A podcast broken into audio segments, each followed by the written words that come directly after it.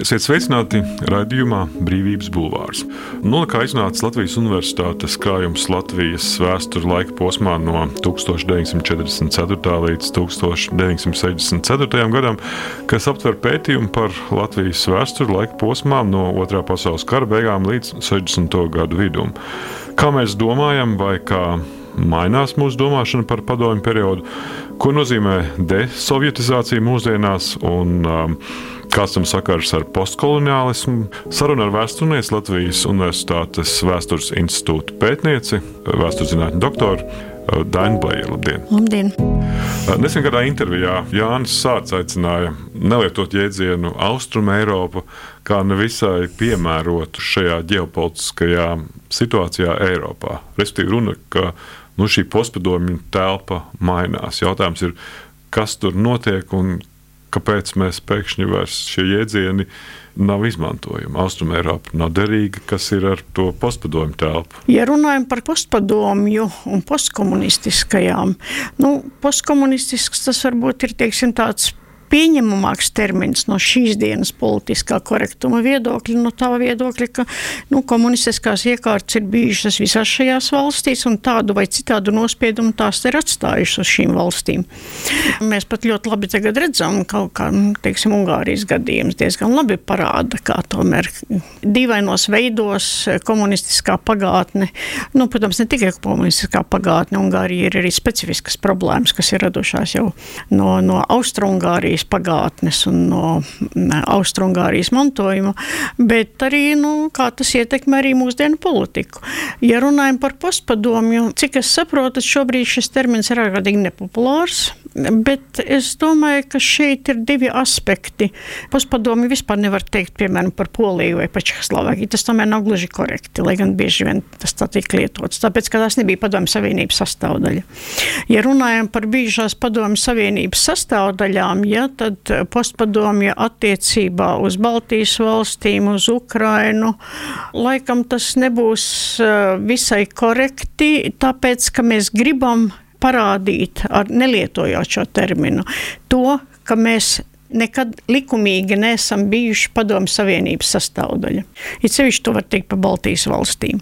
Ka tas, ka atrašanās Padomu Savienības sastāvā vienmēr ir bijusi, tā ir bijusi nelegāla aneksija un okupācija, nelegāla aneksija, un tātad šādā ziņā tas nav, nav pieņemams. Taču šai problēma ir arī otra puse, kuru dažkārt aizmirst, un tā otra puse ir tā, ka mēs tomēr 50 gadus bijām Padomu Savienības sastāvdaļa daļa. Mēs bijām daļa no šīs politiskās, ekonomiskās, sociālās sistēmas, un mēs esam daudz ko uzsūkuši no šīs sistēmas. Atbrīvošanās nav viegla un nav vienkārša nu, savā, diezgan populārs ir teiksim, tas par 40 gadiem staigāšanu pa tuksnesi. Mūzes vadībā. Tas, tas periods, kurā nomainās paudzes. Jā. jā, jo it kā tad, teiksim, nu, cilvēki aizmirst par iepriekšējo iekārtu un viņi pielāgojās jaunai situācijai par jaunu sāk domāt. Nu, mums drīz jau 40 gadi jau tādā pārskatāmā nākotnē beigsies, bet tomēr šis padomju mantojums, nu, tas dažādos veidos kas liek par sevi manīt. Nerunāsim tajā kontekstā, kuru rada Krievijas uzbrukums Ukrainai, bet arī teiksim, par mūsu iekšējo dzīvi, iekšpolitiku, par to, kā mēs sevi apzināmies kā sabiedrību, kādā veidā mēs risinām savas problēmas. Vēsture un sociālās zinātnes ir svarīgas, jo tās parāda, cik pasaule patiesībā ir sarežģīta. Tagad ir populāras sazvērstības teorijas. Viens no to raksturlielumiem ir tās mēģina vienkāršot pasauli, atrodot vienu vai divus iemeslus, kāpēc lietas notiek tā, kā notiek. Patiesība ir daudz komplicētāka, un to ir svarīgi saprast gan pagātnē, gan tagadnē. Tā portālā Encyklopēdija LV stāsta vēsturniece Daina Blējera. Uzbrukums vai karš Ukrainā ir tas, kas nu, maina to, kā mēs uz šo periodu skatāmies. Jā, jo, tas, tas ir sācinājis. Nu, runājām par šo padomu periodu izvērtēšanu ilgu laiku, bet uh, tieši šobrīd man liekas šis desovietizācija, kas uh, dažkārt tiek saistīta ar derusifikāciju, kaut kas līdzīgs tam, procesam, kas patiešām notika 80. gadu beigās, 90. gadu sākumā.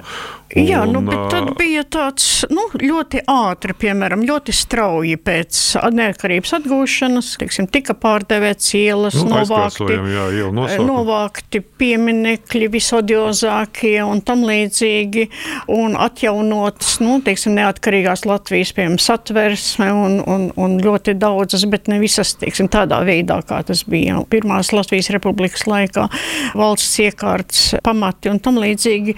Taču tad sākās, un tas ne tikai pie mums, arī citās valstīs, sākās nu, teiksim, tāds periods, pamazām, pamazām mēs integrējamies Eiropas Savienībā, mēs integrējamies NATO, un mums šķiet, ka kaut kādā veidā tas atrisinās šīs problēmas jau pats par sevi. Jau integrācija rietumu politiskajā kopienā, ka tā jau lielā mērā atņem šo, nu, likvidēs šo padomju mantojumu kā rāda vēsture, tas nav tik vienkārši. Man sapratu pārsteigts, pirms pāris dienām izdzirdēju, ka Ukrainā beidzot ir pieņemts lēmums par to, ka dzelzceļiem nulles punkts vairs nav Maskava dzelzceļu nu, teiksim, garuma skaitīšanā. Jā, ka izrādās, Jā, līdz šim izrādās vēl joprojām, nu, tas jau mantojums no cara impērijas, bet uh, nulles punkts ir bijis Maskava. No Maskavas rēķināt arī visi uh, Ukrainas dzelzceļa attālumi. Tagad ir nolēmuši atteikties no tā.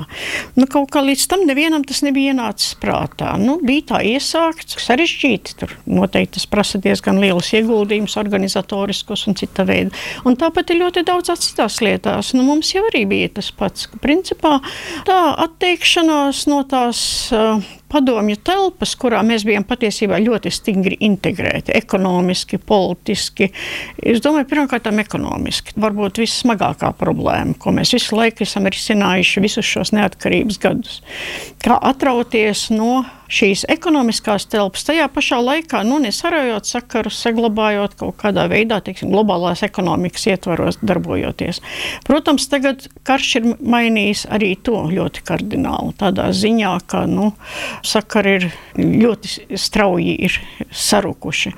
Un vairs arī tādas runas par to, jā, nu, ka Baltkrievijā tas režīms nu, nav īsti labs, bet tajā pašā laikā mums taču ir izdevīgi un kā, kā mēs bez kālija un, un, un tam līdzīgi dzīvosim un viss pārējo. Nu, izrādās, ka var, ja grib, tad var daudz ko.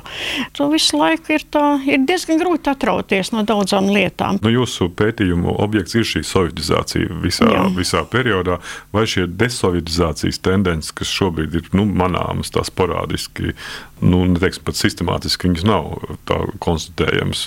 Tie tie paši procesi ar, ar mīnusīmi vai tādi reversa kustība, vai tas ir kaut kas pavisam, pavisam nu, cits?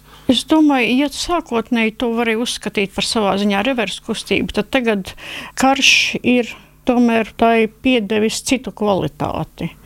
Un tagad jau diskusijas tomēr jau notiek tādā. Pirmkārt, ir tas, ka diskusijas ir pavērsušās ne tikai uz padomju mantojumu, bet uz Krievijas impērijas mantojumu par nepieciešamību no tā atteikties. Protams, lielā mērā to ir ierosinājuši Ukraiņi, ja, kuriem šis Krievijas impērijas mantojums ir daudz, daudz spēcīgāks un daudz sāpīgāks daudzējādā ziņā. Mm, bet eh, tas, protams, tādā vai citādā veidā tas skar arī mūs, ja, jo tad ir jautājums, nu, jāizvērtē. Ir lietas, kas ir radušās citā vēsturiskajā kontekstā, kuru varbūt mēs šodien vairs nevisai izprotam. Bet cilvēki jautā, nu, kāpēc, piemēram, tepat pie stacijas ir Geņeva iela vai Gogoļa iela. Ja? Ielas, kuras savu nosaukumu ir guvušas Krievijas impērijas laikā, pirms Pirmā pasaules kara. Nu, jā, nu, tur tas konteksts, kādā tas, es neesmu to pētījis, es nezinu, kā tas konkrētais politiskais konteksts, kādā veidā Rīgas pilsēta tolaik pieņēma lēmumus par šo ielu pārdevēšanu Gogoļa vai Geņeva vārdā. Es pieļauju, ka tur pat varēja būt zināma fronda, tieksim, tāda, jo tāda demokrātiskā kultūra Krievijas pret eh, Krievijas saka, centrālās varas spiedienu vai tam līdzīgi, bet tas ir tādi hipotētiski pieņēmumi. Es domāju, ka šis konteksts nu, teiksim, daudziem jauniem cilvēkiem vairs neko daudz neizsaka. Man vienmēr bijis grūti sašaurināt savas profesionālās intereses, taču pašlaik ar vien vairāk no 20. gadsimta 40. un 50. gadu vēstures nacionāla komunisma problemātikas pēckara perioda pārvirzos uz 60. un 80. īpaši 70. gadiem Brežņeva laika. Tas ir ārkārtīgi interesants posms, jo redzam, kā padomju režīms mainās, notiek stabilizācija, bet tajā pat laikā zūd tā dzīvotspēja. Tā par savu PSRS okupācijas perioda pētniecību stāsta intervijā vēsturniece Dāna Blējera. Nu, lai gan es pieļauju, ka vienai daļai iedzīvotāji viņa bija principā šī sistēma bija pietiekami ērta, tāpēc, ka viņa tajā laikā, 60. un 70. gados, šī sistēma vairs nebija tik asinskāra, kā tas bija Staļina laikos. Vidusmēra cilvēkam eksistēt paralēli ar visu politisko sistēmu. Jūs varējāt darbā, nu, bija sapulce sakarā, teiksim, jaunās 77. gada konstitūcijas apspriešana. Jūs nosēdējāt to sapulci un pēc tam varējāt iet mājās un darīt, ko gribēt, lasīt, ko gribēt gribēt. Un... Bet šis ir tāds postpadomju fenomens, ka ir kaut kāda valsts, Jā. un tad ir un... indivīds vai, vai mēs par Jā, sabiedrību ārpus šī, valsts. Šī ir tā īpašība, kas varbūt ir kopīga lielā mērā visā postpadomju telpā, to, ka valsts neesmu es. Valsts ir kaut kas tāds nu, diezgan nejauks, nepatīkams, kas tev visu laiku no tevis kaut ko sagaida, bieži vien bezjēdzīgas lietas un vai nepatīkamas lietas. Bet kas ir interesanti, ka mēs to nododam nākamām paudzēm šāda veida izpratni. Jā, diemžēl. Un tas ļoti uzplatīts uzskats. Nu, bija vienu laiku ļoti populārs sauklis, bet šķiet, ka ne tikai Latvijā, ka es mīlu šo zemi, bet nemīlu šo valsti. Respektīvi, respektīvi valsts nesmu es. Politiķi ir, protams, sautīgi, zaglīgi, tāpat kā kompartijas nomenklatūra izmanto, saka, dienesta stāvokli dažādos veidos, viņiem nevar ticēt. Valsts ir kaut kas tāds, kas ir ārpus mums. Viņa nekalpo sabiedrības interesēm. Tas nav kaut kas, ko sabiedrība ir radījusi, lai tā palīdz sabiedrībai dzīvot, bet tieši otrādi. Tā ir naidīga, nejauka nepatīkama. Mēs dzīvojam savas paralēlās dzīves, paralēli valstī, un mums ir labi. Protams, tas ir visai tāda destruktīva pieeja. No vienas puses, tā ir bezatbildīga pieeja. Tātad mēs arī par ko neatbildam, un līdz ar to mēs arī par ko neesam atbildīgi. Lielā mērā tas, piemēram, arī izpaužās šobrīd arī Krievijas opozīcijas diskusijās par vainu un par atbildību sakarā ar Ukrainas karu vai visa sabiedrība ir vainīga, vai visa sabiedrība ir atbildīga. Atbildes ir ļoti dažādas. Nu, respektīvi, ir arī tendence tāda, ka pie visa vainīgs Putins un viņa tuvākā apkārtne. Bet... Nu, tas gan bija arī Vācu sabiedrībā nākamajās paudzēs, vai mums ir kāds sakars ar to, ko darīja mūsu vecāki? Jā, protams, tur arī bija Hitlers un viņa tur tie tuvākie Gērings, Himlers, tie bija vainīgie. Bet mēs jau neko, mēs jau, mēs jau tikai nu, pildījām pavēles. Nu, mums tur mobilizēja karā, mēs gājām, mēs darījām, ja, tāpēc, ka mums lika. Bet paši jau mēs neko. Tagad Krievijā mēs redzam to pašu, ka arī ir tendence, ka jā, nu, viņa, viņam lika, nu, viņš dara. Nu, viņš pilda pavēles. Kad runā izskan šīs frāzes tādā ikdienas apziņas līmenī, mums ir jāpārvērtē mūsu padomju periods, jāizvērtē mūsu kolaborācija, jāizvērtē to, kas notika. Beidzot, jāsāk izvērtēt, kā, ko jūs saprotat, kas ar šī, to tiek domāts ar šādu veidu. Nu, izteikumiem, kas ir tie procesi, kuri var būt nu, derīgi. Nu, viena lieta, ko man gribētos teikt, ka jā, nu, tagad atkal ir atjaunojušās šīs runas par lustrācijas nepieciešamību, par to, ka tā 90. gados netika veikta pietiekami konsekventi. Bet šādas runas ir visās faktiski postkomunistiskajās valstīs. Problēma jau ir tā, ka to laiku tādu pilnīgu lustrāciju, acīm redzot, nevarēja veikt, tāpēc ka nu, kas. Tā pati problēma, kas bija piemēram ar visiem totalitāriem režīmiem. Kur tad ir tā jaunā elite, kur mēs dabūsim jauno eliti, tīru, nesamaitātu, kura nav izgājusi veco padomju skolu, kura tagad būvēs jaunu demokrātisku sabiedrību. Tas Tā. ir tas vecais Vitas Zelčs savulaik uzdotais jautājums, vai mēs atjaunojam valsti vai mēs turpinām valsti. Jā, bet ja mēs arī atjaunojam valsti, vienalga, bet kur tad ir tās rezervas? Jā, ir cilvēki, kuri, protams, kuriem nevarēja pārmest sadarbību ar padomju režīmu un tam līdzīgi, bet viņi nebija pārāk daudz. Jā. Lielākā daļa ierēdniecības, nu, viņi nāca no šīs sistēmas, un, un tā vai citādi sistēmas vērtības vai darba paradumus un tam līdzīgi viņi nesa sev līdzi. Tā problēma bija ne tikai mums, par to runā arī eh, Čehijā vai Slovākijā vai Polijā un tam līdzīgi daudzās valstīs, ka tā ir cilvēki neizbēgami viņi ir auguši šīs sistēmas vērtībās, un viņi nevar tik viegli no tām atteikties. Un, mēs redzam, ka daudzos gadījumos, ja piemēram runāja par korupciju un tam līdzīgām lietām, nu, izrādās, ka bieži vien arī uh, varēja cerēt, ka nāks jauna paudze, kura būs nu, saka, tīra no tā visa, kura ir augas demokrātiskā iekārta un kurai jau ir cita vērtību sistēma. Bet tā nenotiek. Diemžēl tas tā automātiski nenotiek. Un kādēļ? Nu, nezinu, acīm redzot, tāpēc, ka ir vērtības, nevērtības, pareizāk sakot, kuras pārmantojās nu, tīri viegli, nepiespiesti, kā saka, arī demokrātiskā iekārtā. Nu, tāda ir cilvēka tas, daba. Ka radikāli šie procesi netika nu, veicināti tieši tajā 90. gadu sākumā. Es domāju, tas, ka, viena no, punkts. Eh, ka varbūt ir pat vaina nav tieši tajā lustrācijā, to, ka tieksim, katra cilvēka personiskā vaina tiktu izsvērta un tam līdzīgi. Nu, tur, protams, bija tas jautājums, kas būs tie svērēji un kādā veidā to varētu izdarīt. Es domāju, kas varbūt nebija pietiekami labi, ir tas, ka netika radītas pietiekami spēcīgas institūcijas, kas nepieļautu kaut kādā veidā šo negatīvo īpaši šī negatīvā vērtība pārmantošana. Atgriežoties vēl pie šī paša jautājuma par Latvijas un Igaunijas salīdzinājumu, es lasīju kādā senākā intervijā ar jums, kur jūs teicāt, ka tie protestantiskās morāles kritēriji, kuri bija jau sākuši iesakņoties Latvijā, ka nu, līdzīgi kā Skandināvijas valstīs, ka tas nu, padomju okupācija to ļoti fundamentāli aizskaloja projām. Bez šaubām. Un jautājums ir, kādēļ tad nu, tagad ir šie 40 gadi drīz paies, nu, pēc kādiem septiņiem, astoņiem gadiem, vai mēs būsim atgriezušies pie tā. Vai ir es iespējams domāju, pie tā atgriezties? Grūti. Pilnībā pie tā nevar atgriezties. Tieši tāpēc, ka mūsdienu sabiedrība, modernā sabiedrība, principā ir nereliģiska. Es teiktu, tā, bet jautājums ir par to, ka tā paudze, kura veidoja toreiz šos protestantiskos morāles kritērijus Latvijā, runa ir par 20, 30 gadiem, tā atšķirās no tās paudzes, kura veidoja nākamās paudzes. Kuras... Jā, bet tur ir tā problēma, ka teiksim, nu, cīņa ar reliģiju, vispār cīņa ar pagātnes paliekam cilvēku apziņā un tam līdzīgi. To, protams, varēja uztvert, un cilvēki bieži vien uztver arī nu, formālu lietu. Ja?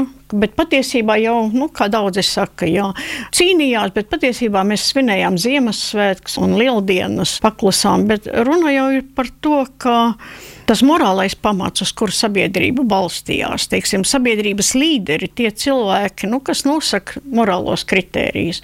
Visa šī vecā elite jau principā tika iznīcināta. Iznīcināta vai nu fiziski, vai vienkārši viņa tika nodzīta absolūtā pagrīdē tikai minimāli varēja nodot vērtību kritērijas un uzvedības jūs, jūs kritērijas. Jūs teicāt intervijā, ka zakt vispār ir slikti, bet no kolhoza var. Jā, Jā, nu, tur ir tā lieta, radās jauna principā pamazām attīstījies tāda jauna padomju morāla. Ja, ja 40. un 50. gados vēl daudzi cilvēki jutās slikti, ja viņi, piemēram, kaut ko no darba atstiepa mājās, tad, teiksim, 60. un 70. gados jau viņi vairs to uztvēra jau kā pašu par sevi saprotamu lietu, ja, ļoti bieži.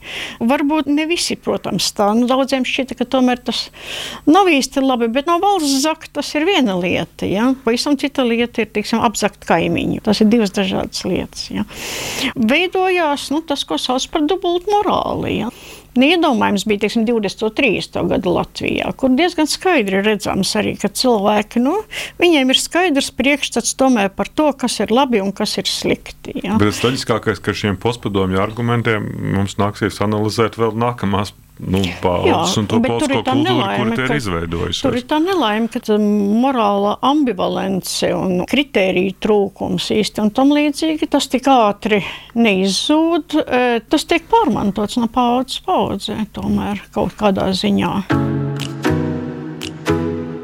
Rakstot par politiskām represijām, vienmēr ir smagi aptvert tās šausmas un bezjēdzību, kā cilvēku likteņi tika iznīcināti. Sapratni, kā šī padomju totalitārā sistēma darbojas, atstāja ļoti nospiedošu iespaidu. Jā, pētnieki var meklēt racionālu pamatojumu, kāpēc Staļinam bija vajadzīgas tās vai citas represijas, taču aiz tā visa stāv absolūta nerēķināšanās ar cilvēku dzīvēm miljoniem dzīvju. Tieši to gribas aiznest līdz lasītājam. Jo vairāk laika paiet, jo mazāk paliek cilvēku, kas ir dzīvojuši PSRS, un vēl mazāk, kuri pārcietuši padomju režīma represijas.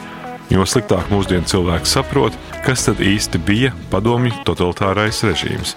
Tā Daina Blējera intervijā Latvijas vēstnesī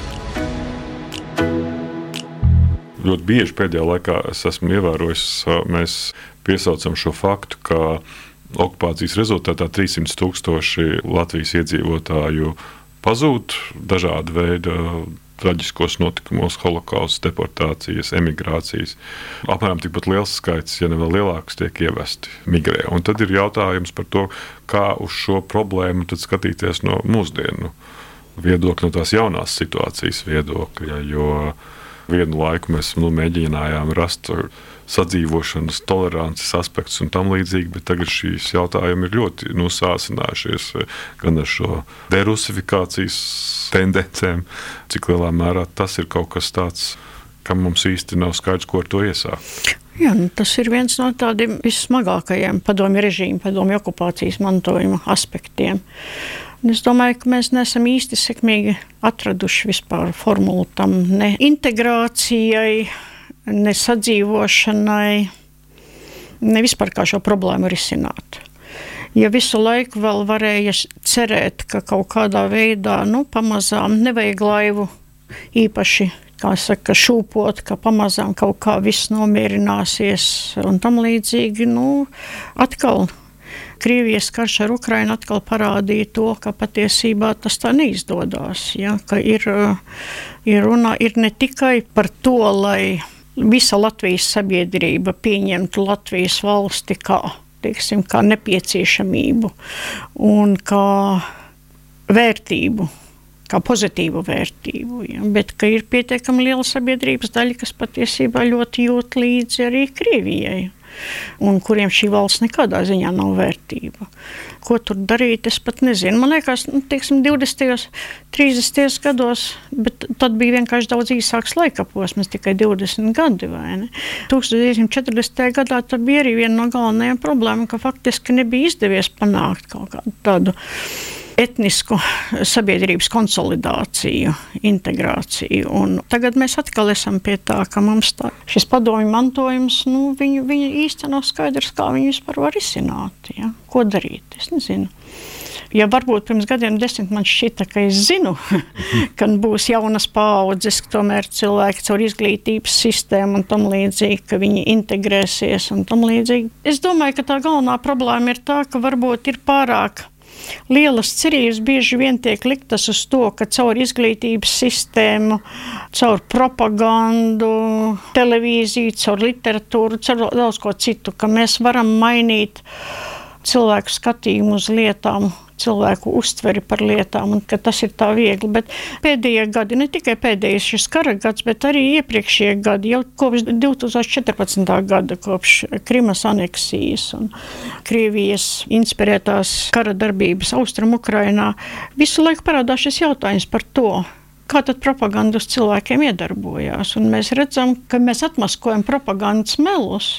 Ar to principā nekas netiek atrisināts. Tāpēc, ka tie cilvēki, kas tic šiem meliem, vai uzskata, ka varbūt viņi netic šiem meliem, bet viņi uzskata, ka tie ir vajadzīgi meli. Ja? Nu jā, viņi, es esmu dzirdējis, ka viņi izvēlās dzīvot tieši tajā nu, informatīvajā komfortā, kuru viņi paši grib Jā, dzirdēt. Nu? Tagad saprotam, ka ir dažādi šie informatīvie burbuļi, kas ir komfortabli katram cilvēkam. Un, saprotams, es teiksim, neklausos, piemēram, nezinu, Solovjovu neklausos. Ja, jo vienkārši nu, tagad tas arī ir sarežģīti, bet no otras puses ir tas, nu, ko tad es tur tādu dzirdēšu. Man tas nav interesanti vispār. Ja.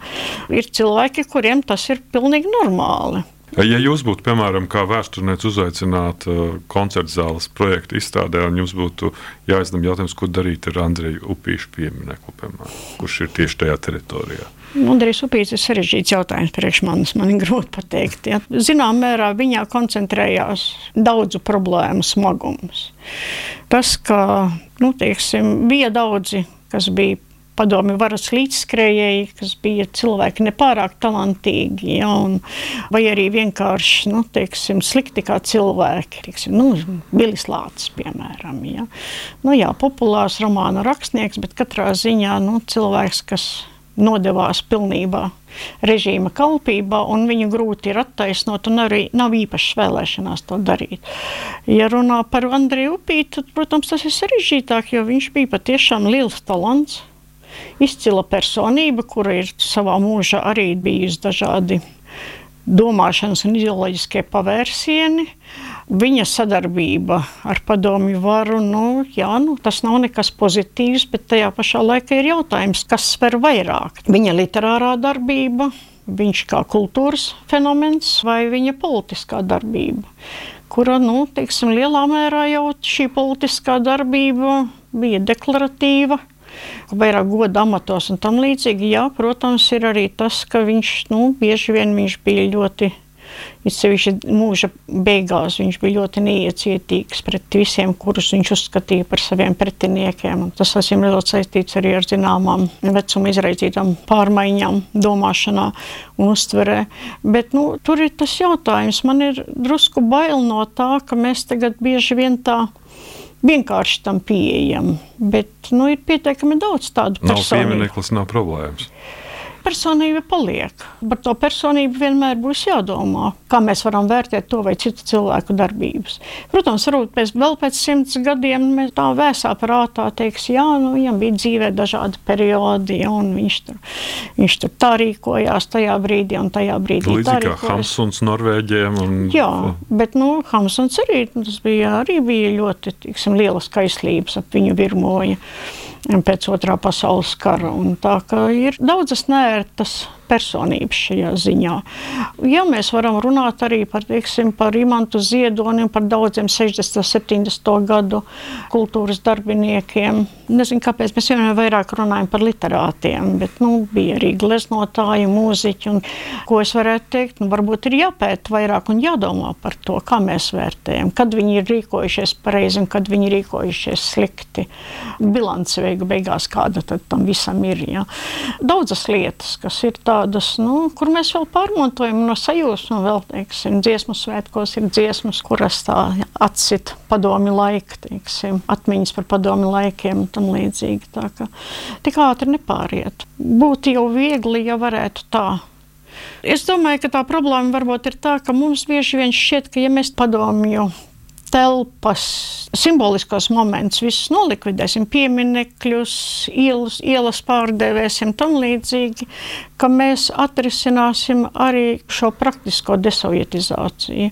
Bet uh, problēma ir tā, ka tā praktiskā desovietizācija tiem tā prasīs vairāk nekā 40 gadu staigāšanu pa tūkstnešu šurp turp, ka tomēr tas... Man ir aizdoms, ka viņi ir daudz neredzamāki par tām Jā, ir neredzamāki un... un tikai jautājums ir par to, kāda vispār ir pasaulē, kādi notiek procesi un kādas vērtības sistēmas veidojās un kādā veidā, kur mēs ejam. Un šajā ziņā, protams, es domāju tas, ka mums ir, kas ir bijis labi, bez šaubām ir tas, ka no paša sākuma jau ir bijis, kopš 90. gadiem ir skaidri izlemts attīstības kurs, ka mūs, mēs esam daļa no Eiropas, no Eiropas kultūras, no Eiropas ekonomikas, nu, no Eiropas politiskās telpas. Lai ko tas arī nozīmē, bet tā ir daļa no Eiropas politiskās telpas.